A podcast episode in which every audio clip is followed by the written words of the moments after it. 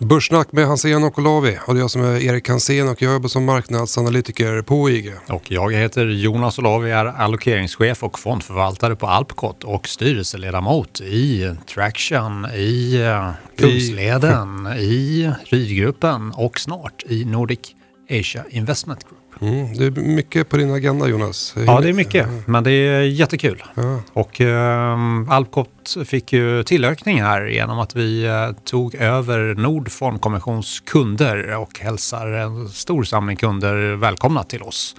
Så jag hoppas verkligen att de gillar våra system och enkelheten i det och översikten och de låga kostnaderna förstås. Mm. Hinner du göra någonting annat eh, utan att, eh, förutom att jobba?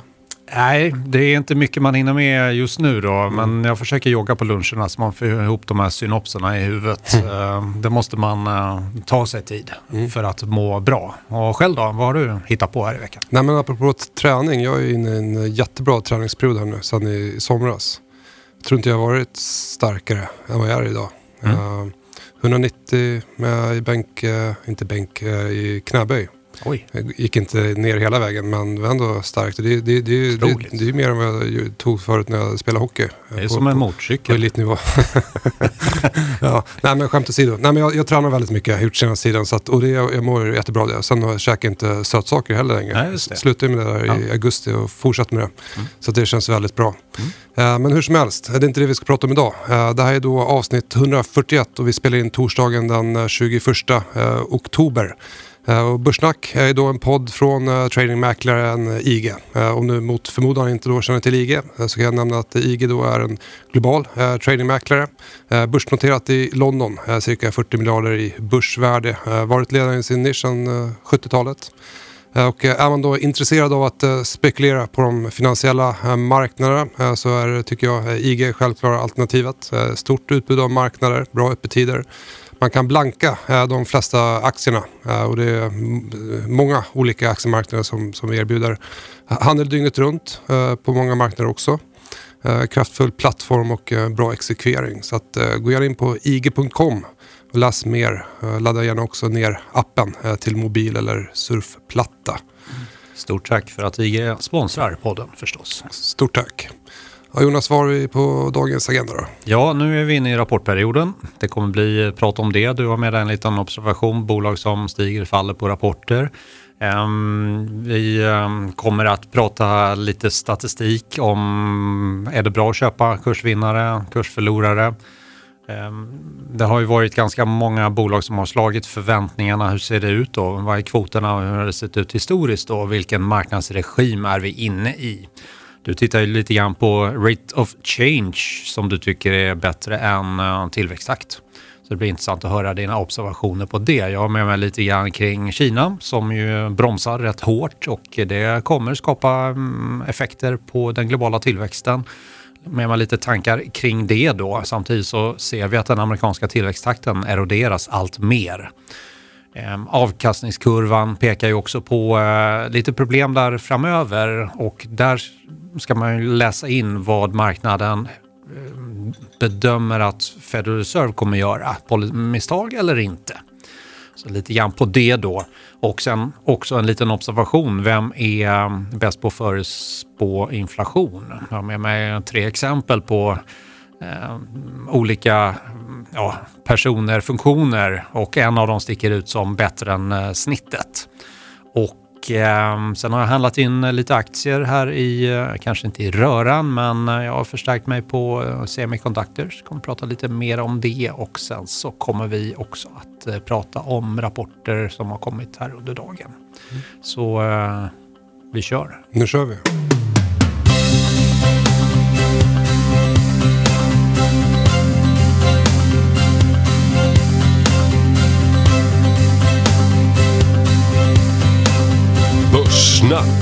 Hansen och Olavi.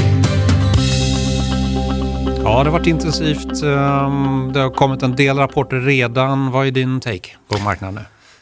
Ja, det är, inte många av de här äh, bolagen som har rapporterat som lyckats äh, stiga på, på sina rapporter. Jag äh, kan prata lite mer om den statistiken senare. men kollar man då på marknaden så har ju den stigit inför rapporterna. är det så det brukar se ut? Ja, absolut. Det är min uh, käpphäst som jag jobbar efter mm. och därför gick jag också upp till övervikt i aktier i min allokering och har också köpt på mig, från att ha haft ganska mycket kassa eh, inför rapporterna, kommit in i marknaden på bra sätt och fonden har ju också gått väldigt bra under den här perioden fram till nu. Sen får vi se vad framtiden utvisar. Men mm. två veckor innan ställer marknaden alltid upp, det är min erfarenhet. Precis, och det är så det brukar se ut. Då. Uh, Bitcoin på ny rekordnivå här i, i, i veckan. Inflationsförväntningarna uh, bryter också uppåt. Uh, vi ser nya highs där i vissa inflationsförväntningsdata och rapporterna står som spönar i backen positiv eh, prisdynamik. Eh, det är ett vackert ord tycker jag. Mm. Eh, och vi fick ju då en rekyl i september. Den här rekylen tolkar jag som att den skedde under kontrollerade former. Lugnt och försiktigt tycker jag. Och sen fick vi en snabb impulsrörelse här i oktober där marknaden då studsade uppåt. Och det här är då ett positivt beteendemönster när vi får en liksom långsam rekyl och så får en stark impuls. Eh, men eh, som vi var inne på lite grann, eh, det är inte många av de här bolagen som har rapporterat som lyckas stiga på sina rapporter. Vilket är i sig lite svaghetstecken överlag. Och det är första gången på länge som aktiemarknaden är inne i en rekylfas när vi då rapporterar. Eh, men de bolagen som har lyckats eh, stiga på sina rapporter det är Elus eh, Medtech som rusade på sin rapport. Vi har Husqvarna, Getinge, TF Bank, Byggmax, SCB, Stora Enso, Sandvik, marginell uppgång där. Sen har vi en hel del rapporter här under dagen då, som vi inte har några stängningskurser på än. Men det är, drygt, det är nästan 40% av bolagen som har lyckats stiga på sina rapporter. Mm. Och den siffran är då låg om man jämför med historiska genomsnitt. Då. Okay. Hur stor avvikelse från förväntningarna har de här bolagen i genomsnitt kommit? Har du någon statistik på det? Eller? Jag har statistik på det, men inte här på, på rak arm. Eh, så de måste ta upp det lite senare. Mm. Uh, men, men däremot, man kan kolla till exempel på uh, hur stor procent av bolagen i USA uh, som slagit EPS-förväntningarna. Och där ser vi att det är nästan 90 eh, procent. Det måste vara högt. Det är rekordhögt. Mm. Uh, men jag vet inte vad man ska ta med sig av den uh, tidsserien egentligen. För den påverkas väldigt mycket också av hur bolagen ute och försöker dra ner eh, analytikernas förväntningar, eh, vilket de är ganska bra på att göra i USA. Mm. Eh, så att jag kollar mer på hur marknaden tar emot eh, rapporterna, för det, det, det, säger lite mer kanske än andra dataserier som eh, eh, visar på, kan påverkas av hur, hur analytikerna ställer sig till bolagens mm. kommunikation. Då. Just det. Men vad ska man göra då? Ska man köpa rapportförlorare eller rapportvinnare? Ja. Finns det någon strategi där som är mer lönsam än någon annan? Ja, jag la ut en enkät på, på Twitter där man fick svara på en fråga om man då skulle med en exit på två, tre månader om man då skulle välja att köpa eh, de bolagen som stiger på sina rapporter eller de bolagen som faller på sina rapporter. Och eh, majoriteten av svaren var faktiskt att man skulle köpa eh, de som stiger på sina rapporter. Och det bekräftas också av väldigt många olika studier på det här. så att aktier som stiger på sin rapport har faktiskt en tendens att gå bättre än index kommande månader. Eh, det finns många studier också inom akademin inom det här och det kallas för eh, Post Earnings Announcement Drift. Mm. Så det är liksom drift uppåt. Eh, det blir att analytiker behöver justera upp sina estimat och marknaden är inte 100% effektiv och tar till sig informationen direkt utan fortsätter drifta uppåt de här bolagen som överraskar positivt. Mm. För en fondförvaltare blir det lite mer komplicerat, särskilt mm. om man har stora volymer. Då är det bättre att köpa på ett nedställ för då kommer ju aktierna till en. Exakt. Om man ska jaga en aktie som eh, där säljarna snabbt äh, klättrar uppåt, då är det väldigt svårt att komma över volymer. Så det är lite beroende på vad man är för marknadsaktör helt enkelt. Och tittar jag på rapporter som har kommit idag här så har vi till exempel ABB, Volvo som eh, båda går ner lite grann då på rapporterna. Volvo var lite bättre, ABB var sämre. Men eh, båda klagar då på leveranskedjeproblem eh, och är ganska mjuka för Q4 på grund av att de tror att de här leveransproblemen fortsätter påverka försäljningen. Men mm, till exempel Volvo guidar ju upp för eh, 2022 vad gäller eh, antalet eh, lastvagnar för både Europa och för Nordamerika. Så äh, rätt hanterat och om man tror på att de här bolagen kommer fortsätta leverera så kanske det kan vara en bra läge, men lite grann beroende på vad man är för typ av investerare. Om man är väldigt kortsiktig så är det bättre att hugga på de som äh, jackar upp och stiger på, på rapport. Det håller jag helt med om. Mm. För det kan man också se ibland, även om det kommer starka äh, rapporter i siffermässigt så kan det också vara ibland att uh, större aktörer som fondförvaltare passar på när det är mycket volymer mm. under de dagarna att uh, sälja av. Uh, vilket gör att även bra rapporter straffas. Exakt. så det finns olika typer av marknader som påverkar på olika sätt där. Men någonting annat, du nämnde några bolag där, men du nämnde inte Handelsbanken? Eller? Nej. Nej. För det är också ett bolag då som föll på sin rapport. Men en, en, aktie som jag tycker ändå ser intressant ut för att den har då fallit tillbaka till eh, ett ja, tidigare konsolideringsintervall. Uh, fortsätter ner lite grann här under uh, torsdagen. Uh, men den är nere på, på intressanta nivåer och de tidigare la sin rapport. Mm. de ska ju sälja av verksamheten i, i Finland. Eh, så att eh, det, det, är ett exempel på en aktie som jag ändå tycker ser intressant ut trots att den eh, reagerar negativt på, på, på sin rapport. Mm. Det är också i kontext med att jag har en allmänt positiv inställning till, till banksektorn överlag. Då. Så att, ja. Och tittar man på bankerna rent generellt så gjorde jag en genomgång här inför podden då och tittade på de nordiska bankerna, låg till Danske Bank och DNB. Och jag kommer lägga ut det här på Twitter. Ehm, bäst i år har Nordea gått, ehm, följt av SEB som ju har haft en stark utveckling eh, kortsiktigt. Och eh, jag har ju valt i eh, min globalfond då, Alpcot Equities, just Nordea som min bankaktie. Som jag tycker har goda förutsättningar och det jag läser i rapporten där är ju att man i samband med Q4 då i början på februari kommer att komma med nya finansiella mål. Och det läser jag, det är klart att de kommer att höja dem lite grann då. Eh, och tittar man generellt då på bankerna så eh, har man en ganska god utveckling. Eh, I år blir det ju väldigt påverkat av att man har en låg jämförelsenivå, framförallt på vinsterna. Och då får man fundera på vilka som kanske växer bäst här. Och tittar man på försäljningstakten så är DNB faktiskt det bolag där analytikerna tror på bäst mm, försäljningstillväxt. Då.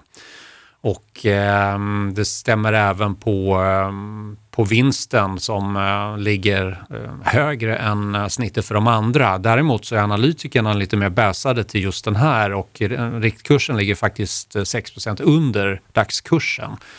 Och just den banken då så har 10 köp, 9 behåll, 8 av sälj. Så det är ganska jämnt skägg där. Antingen så gillar man eller så gillar man inte då. Så att lite, lite grann i limbo där. Ehm, och tittar man på Ehm, Ehm, den bank som kanske är dyrast då så mm, ligger ehm, DNB ganska högt på price book. Men den bank som faktiskt är dyrast just nu det är SEB.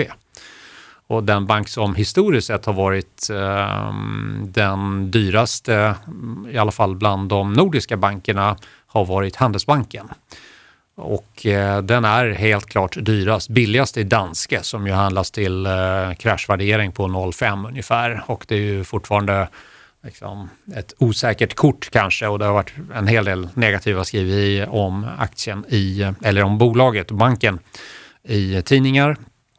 Och eh, det är också den bank som i år har gått eh, sämst av bankernas. Och jag lägger ut eh, nyckeltalstabell och eh, också en jämförelse mellan de här på indexnivå så man ser hur aktierna har gått eh, relativt varandra då sedan årsskiftet. Så det kommer på Twitter. Bra exempel på att billigt inte är bra.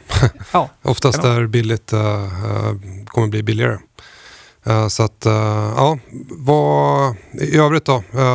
Om vi pratar lite om uh, olika marknadsfaser. Mm. Jag har ju nämnt det lite grann de senaste veckorna. Uh, de fyra olika faserna. Vi har Goldilocks, reflation, stagflation och uh, deflation. Uh, får man rätt på förändringen i inflation, tillväxt, penningpolitik så får man rätt på, på mycket annat. Då. Mm. Uh, och uh, jag anser att vi, vi handlas nu i, i reflation. Uh, mycket råvaror. Stigande tillväxt och stigande inflation. Precis. Ja. och i, i, den fasen så är det mycket uh, råvarurelaterat som stiger. Det är även positiv miljö för, för aktier. Eh, Bitcoin har också sin liksom, bästa eh, eh, utveckling just i, i den här fasen, då, reflation. och även amerikanska långräntan brukar stiga i, i just den här uh, marknadsregimen. Uh, och sen då ska man undvika uh, sektorer som är lite mer defensiva, till exempel hälsovård. Uh, guldet brukar gå lite svagare i den här perioden, även silver. Eh, så att eh, ja, eh, så, så länge de här marknaderna rankas högt hos mig så fortsätter jag rida på den trenden. Och kollar man på den rankingen nu då globalt med justerat för volatilitet så toppar det Oslo, det är Ryssland, energisektorn, det är mjuka råvaror, det är bräntoljan, det är koppar, banksektorn i, i USA.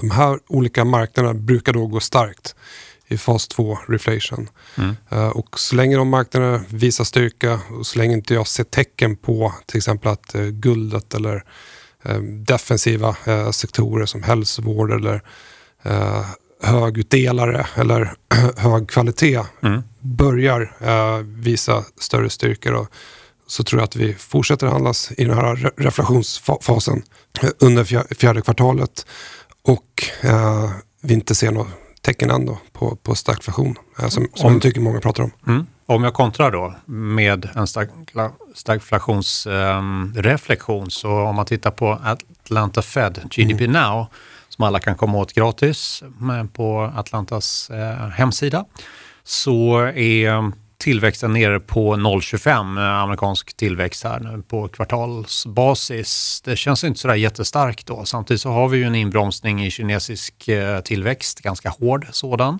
Och eh, PMI-siffrorna ligger under, ehm, under ehm, tillväxtnivån då, 50.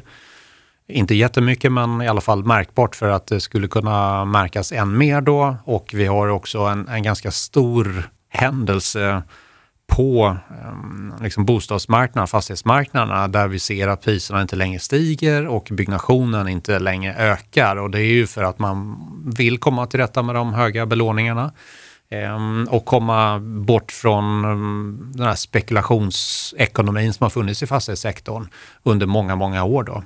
Ehm. Men eh, apropå GDP där från Atlanta Fed, den visar ju vad som händer i ekonomin idag. Mm. Marknaden handlar ju på framtiden. Absolut, jag Så håller med. Att, uh, det är för, för mig, uh, jag kollade upp på tillväxt, inflation, penningpolitik, får en liksom nowcast på vart vi befinner oss idag. Mm. Sen använder jag marknadssignaler för att vara framåtblickande. Mm. Och, och marknaden säger till mig uh, någonting helt annat än uh, stagflation. Då. Om man tittar på Fund Manager Survey så är det en fråga vilken fas ligger man i och uh, det är ju allt fler som tror på stagflation kontra tidigare fallande tillväxt, stigande inflation och färre tror på reflation då, stigande tillväxt och inflation. Men reflationstroende, uh, de är fortfarande fler mm. i antal än de här som då tror stagflation som då tilltar i styrka här. Så att det är ju någonting som händer i marknadsbilden som man måste vara lite observant på för att det kan bli tema. När alla mm. ser samma sak så börjar alla prata om det och sen så är ju marknaden snart förbi det där. Ehm, så att om vi ska försöka gissa marknaden nu så tänker jag att rapporterna hjälper inte till att driva index vidare. Vi har makrodata och framåtblickande och tidig eh, tidiga indikatorer som pekar på en försvagning. Alla hoppas på att Kina ska eh, komma med stödpaket, men det vet vi inte. Historiskt sett har de gjort det, men de har ju en, en agenda att försöka fixa sin ekonomi. Och tittar man på till exempel positionering så säger ju Fund Survey ehm, Survey-kontrahenterna att eh, de aldrig varit så underviktade obligationer som de är nu. Tittar man historiskt sett så behöver inte det betyda att det har varit en bra timing utan tvärtom så när de varit så extrema lägen och det här är ju eh, sen de startade eh, 2001 så har man inte varit så pessimistisk. Vid varje tillfälle när det har varit så oerhört negativt så har eh, obligationer utvecklats ganska bra efter det. Mm. Så att det är inte kanske någon jättebra timingindikator mer än observation då, att ingen vill äga eh, Eh, obligationer.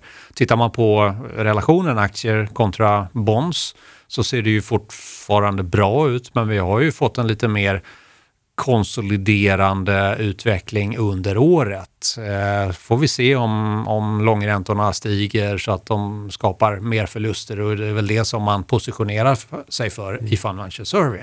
Aktiemarknaden mot obligationer har ju nu brutit uppåt, eh, mm. den relationen. Även inflationsförväntningar om du kollar på till exempel fem år framåt. Mm. Uh, har ju konsoliderat senaste uh, månaderna men nu bryter uppåt till, till, till, till nya högsta nivåer. Mm. En annan observation som så eh, kommer att swisha förbi då, eh, som Goldman Sachs har gjort, det är att nu så har amerikanerna 52 procent av sina placeringar i aktier. Det är all time high. Det är högre än vad det var 2000. 2000. Mm. Då var det 51 procent. Mm. Och då vet vi hur det eh, därefter. Så att nu är väldigt många inne i marknaden så att um, det är klart att ingen vill att man ska förlora på det här och det här är ju någonting som centralbankerna måste bedöma. Och på tal om centralbanken. Du, du låter jättebäsig nu helt plötsligt. Ja, men jag ja. plockar upp några faktorer ett, som ett, kanske inte ligger i mainstream. Ett, ett, ett motargument till det där är att anledningen till att många har en exponering mot aktier idag jämfört med 20 år sedan det är för att det är mycket mer tillgängligt idag. Du kan gå runt med mobilappen och handla aktier. Så mm. det, det, är ganska logiskt. Absolut. Um, nej, men jag tittar på uh, kinesisk uh, statistik. Det mesta pekar mot att de måste komma in uh, om vi ska bibehålla en mm. god tillväxt under nästa år. Tittar man på nivån så har man ju sagt att liksom, platåtillväxten kommer vara högre 2022 framåt än vad den var in till 2019. Eller till och med 2019 tittar man på kinesisk data så skulle jag inte säga att det är självklart. Därför att kinesisk tillväxt har under de senaste tio åren utgjort mellan 25 och 30 procent av global tillväxt. Så går de ner då och börjar växa 2, 3, 4 procent, då kommer det märkas i den globala tillväxten. Det kommer eh, innebära att det märks på efterfrågan. Sen är det ju så att andra länder kan ha en catch-up-effekt då. Vi har ju en massa finanspolitiska mm, paket som ska rullas ut och det ska ut till bolagen och driva efterfrågan. Men eh, det är ju paket som rör sig över några år och sen så eh, kommer det att ha ebbat ut. Och då kanske centralbankerna har gjort det här policymisstaget att då gå på för tidigt därför att de är för stressade för att inflationen ska permitteras på en högre nivå. Det säger ju inte kinesisk statistik att det kommer bli liksom troligt. Um, och tittar man på långa tidsserier då på uh, uh, sjuåring upp mot 30-åring på räntekurvan så har de vänt ner ganska resolut. Och det säger ju marknaden ifrån på att vi tror att det är ett policymisstag, det vill säga att man kommer döda tillväxten. Mm. Så centralbankerna är det absolut viktigaste att hålla koll på på eh, aktiemarknaden. Har man rätt på vilken riktning som de rör sig i och åt och kan bedöma när de potentiellt gör ett policymisstag utifrån marknadens syn och bedöma det. Då får man rätt på de stora svängningarna. Mm. Och det verkar inte som att de är lika uh, säkra på att det är lika trans transitory längre, inflationen, som de kanske har poängterat förut. Exakt, vilket kommer att leda till att de kommer agera. Precis. Uh, och uh, cykelmässigt, vi har den här sjuårscykeln som uh, inträffar nästa år. Även fyraårscykel nästa år. samtidigt som vågmässigt S&P 500 handlas i avslutande femte vågen upp. Mm. så att det är mycket som kan hända nästa år. men kortsiktigt, det är stark säsong vi är inne i nu också, slutet på året, mm. första kvartalet. Absolut. Eh, men rapporterna får, får fortsätta visa vägen här. Vi är fortsatt eh, väldigt tidigt inne i, i rapportperioden, i alla fall för, för Stockholmsbörsen. Mm. De som då är bäst på att uh, prognostisera tillväxt, eller inflation, förlåt. Mm. Um, de har Clevelands Federal Reserve, de har ju regionala sådana här centralbanker. Ehm, så har de tittat på det här och då har man tittat på eh, professionella ekonomer, man har tittat på hushållen och man har tittat på finansmarknadsaktörer. Vem tror du är bäst på att eh, prognostisera inflationen? Av de här tre grupperna. Ja, vilka var det sa du? Det var makroekonomer, makroekonomer. Um, hushållen, Hushåll. finansiella aktörer. Jag, jag, hoppas att det är de som får betalt att göra det, det vill säga makroekonomer. Du har helt rätt ja, vilken, vilken tur. Det hade varit tråkigt annars. Ja, det hade varit väldigt tråkigt. Men du har helt rätt. Okay. Så det kan man läsa om. Jag kan lägga ut en um, länk på vad man kan mm. läsa mer om det om man tycker att det är roligt. På, på, det ämnet, uh, jag läste också lite grann om uh, just uh, inflation och hur man forecastar inflation. inflation är ju det är trendande. så att en alltså, nuvarande inflation är en av de högre, eh, som störst värde, eh, predictive value, för framtiden. Idag är det sol, imorgon är det sol. Ja, men lite grann så är det faktiskt. Eh, eftersom det är trendande. Så dagens inflation är ofta eh, mm.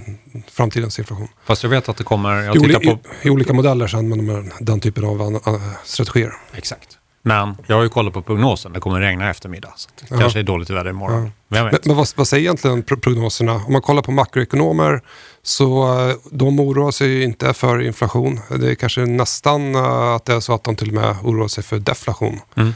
Uh, samtidigt som marknadsförväntningar, om man kollar på olika prissättningar, så har ju de nu börjat byta uppåt till, till högre nivåer. Mm. Man på olika sentimentsenkäter, Michigan, Conference Board och de här, eh, ISM, så är de på ganska höga nivåer sett till historiska genomsnitt. Mm. Jag vet att du brukar följa han eh, John Authors mm. på Bloomberg. Exakt. Eh, jag vet inte om du har läst vad han skriver senaste tiden? Jag läser varje dag hans ja. morgonbrev som är helt fantastiskt och helt gratis. Och han har ju um, en um, rigorös genomgång på alla inflationskomponenter som överhuvudtaget finns. Och det kan man komma åt gratis. Så det tycker jag är ett uh, jättebra tips att man gör.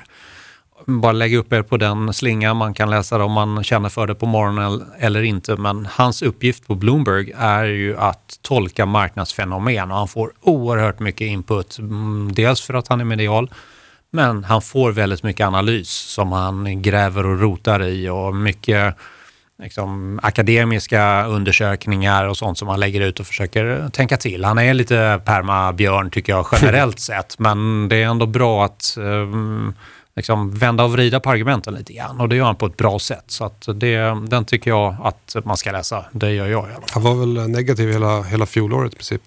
Ja, absolut. Ja. Han, eh, ja, han har varit... Men uh, oavsett så kan det vara underhållande ibland att, läsa, jag håller med dig. Mm. Sen de där indikatorerna som man har också på, på hemsidan som man mm. uppdaterar varje vecka uh, är ju bra att uh, kika på. Ja, där kan man ju då skapa en egen objektiv bedömning. Mm.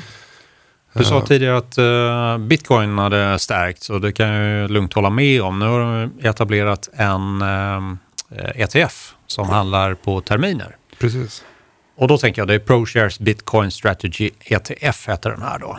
Och det här känns lite läskigt därför att det här skulle kunna bli en enorm squeeze och betydligt högre volatilitet. Och då kan man ju inte säga att bitcoin har en låg volatilitet från början. Men om man håller på att handla med terminer, då är det en helt annan femma därför att de måste köpa underliggande. Mm. De måste köpa bitcoin och det finns inte jättemycket utav det utan det kommer ju innebära att priserna kommer stiga. När professionella aktörer får eh, greppet om ETFer som då handlar terminer, då kan de påverka marknadspriset. Mm. Så jag skulle kunna tänka mig att den skulle kunna flyga enormt på just squeezen, att det inte finns så här, lättillgängliga bitcoin att köpa. Men jag kan ju tänka mig att många hedgefonder sitter och funderar hur ska vi utnyttja det här nu? För att det är ju bara privatpersoner som handlar bitcoin.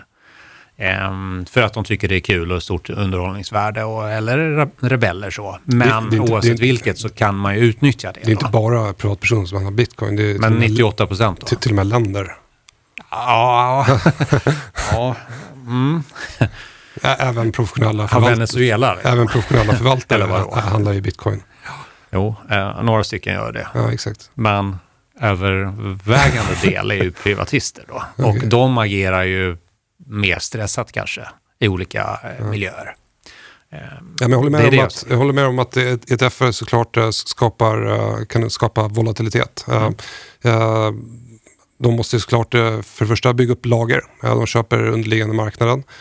Uh, sen om det skulle ske uh, större volatilitet i bitcoin så måste ju de vara snabba att sälja av uh, för, för att hedga sig. Mm. Sen när det stiger så måste de ju köpa för att hedga sig. Mm. Så att, det, det, kan ju skapa ökad volatilitet. Och det har vi också sett på aktiemarknaden.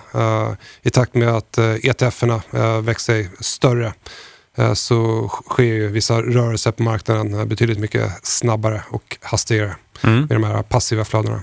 Absolut. Och en aktie som jag mm, skulle vilja nämna där i det här perspektivet ehm, ehm, det är eh, Micron som är ett halvledarbolag och gör eh, chip.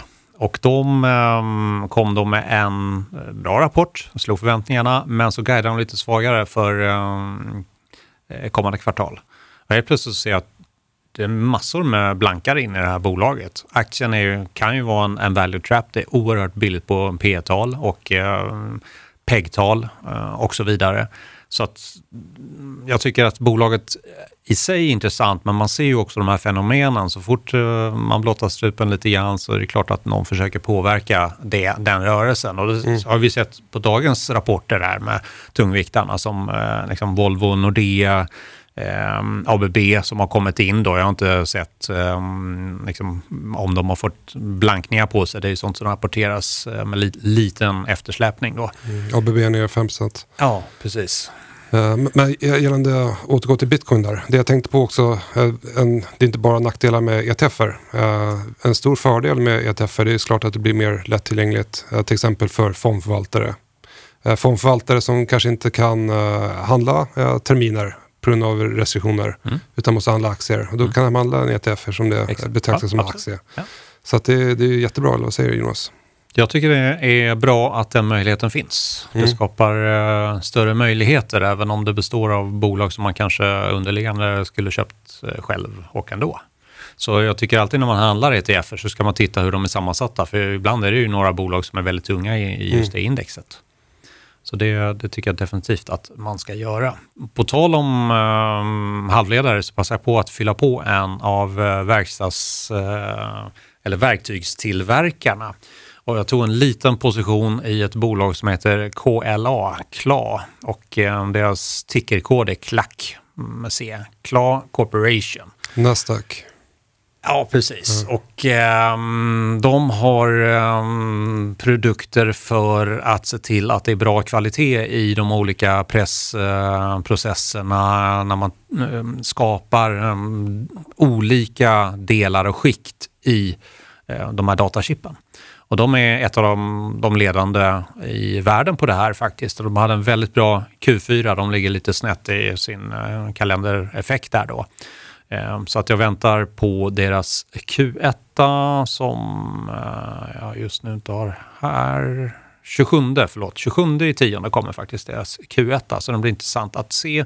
Analytikerna är generellt sett väldigt positiva. 13 har köpt, 9 har behåll, ingen har sälj. Och eh, det här nosar jag upp lite grann eh, efter funderat ett extra varv efter vår, ehm, vår podd med Inge. Just det som vi pratade om att eh, många av de här tillverkarna av just eh, verktygen, det är vinnarna snarare än kanske de som gör själva chippen. Och det såg vi till exempel på eh, Taiwan Semiconductor som inte gick någon vidare på sin rapport heller, som fortfarande ligger i konsolidering. Då. Erik, du lovade prata lite grann om rate of change istället för tillväxttakt. Vad är dina observationer? Ja, nej, men jag har med mig lite tips där hur man ska tolka uh, makrodata. Uh, nämligen att kika på rate of change, förändring i data och inte stirra sig blind på till exempel tillväxttakten år över år eller månad till månad. Uh, för att rate of change, hur data förändras, är mer intressant ur ett börsperspektiv. Uh, visar ju om data blir, uh, liksom förbättras eller försämras. En tillväxttakt på minus 5 procent, det kan vara positivt om det då kommer från minus 10 mm. minus 7% och minus 5 Uh, eh, så att då är det positivt. Uh, så att ser man i, i flödet, något no flash där, att uh, vad som helst, det kan vara tillväxt på makro eller bolag och så vidare. Ja, men minus 10 lägre än förväntningarna. Att man inte direkt tänker att det här är negativt, utan man kollar på förändringen i, i data. Mm. Var kommer det ifrån någonstans?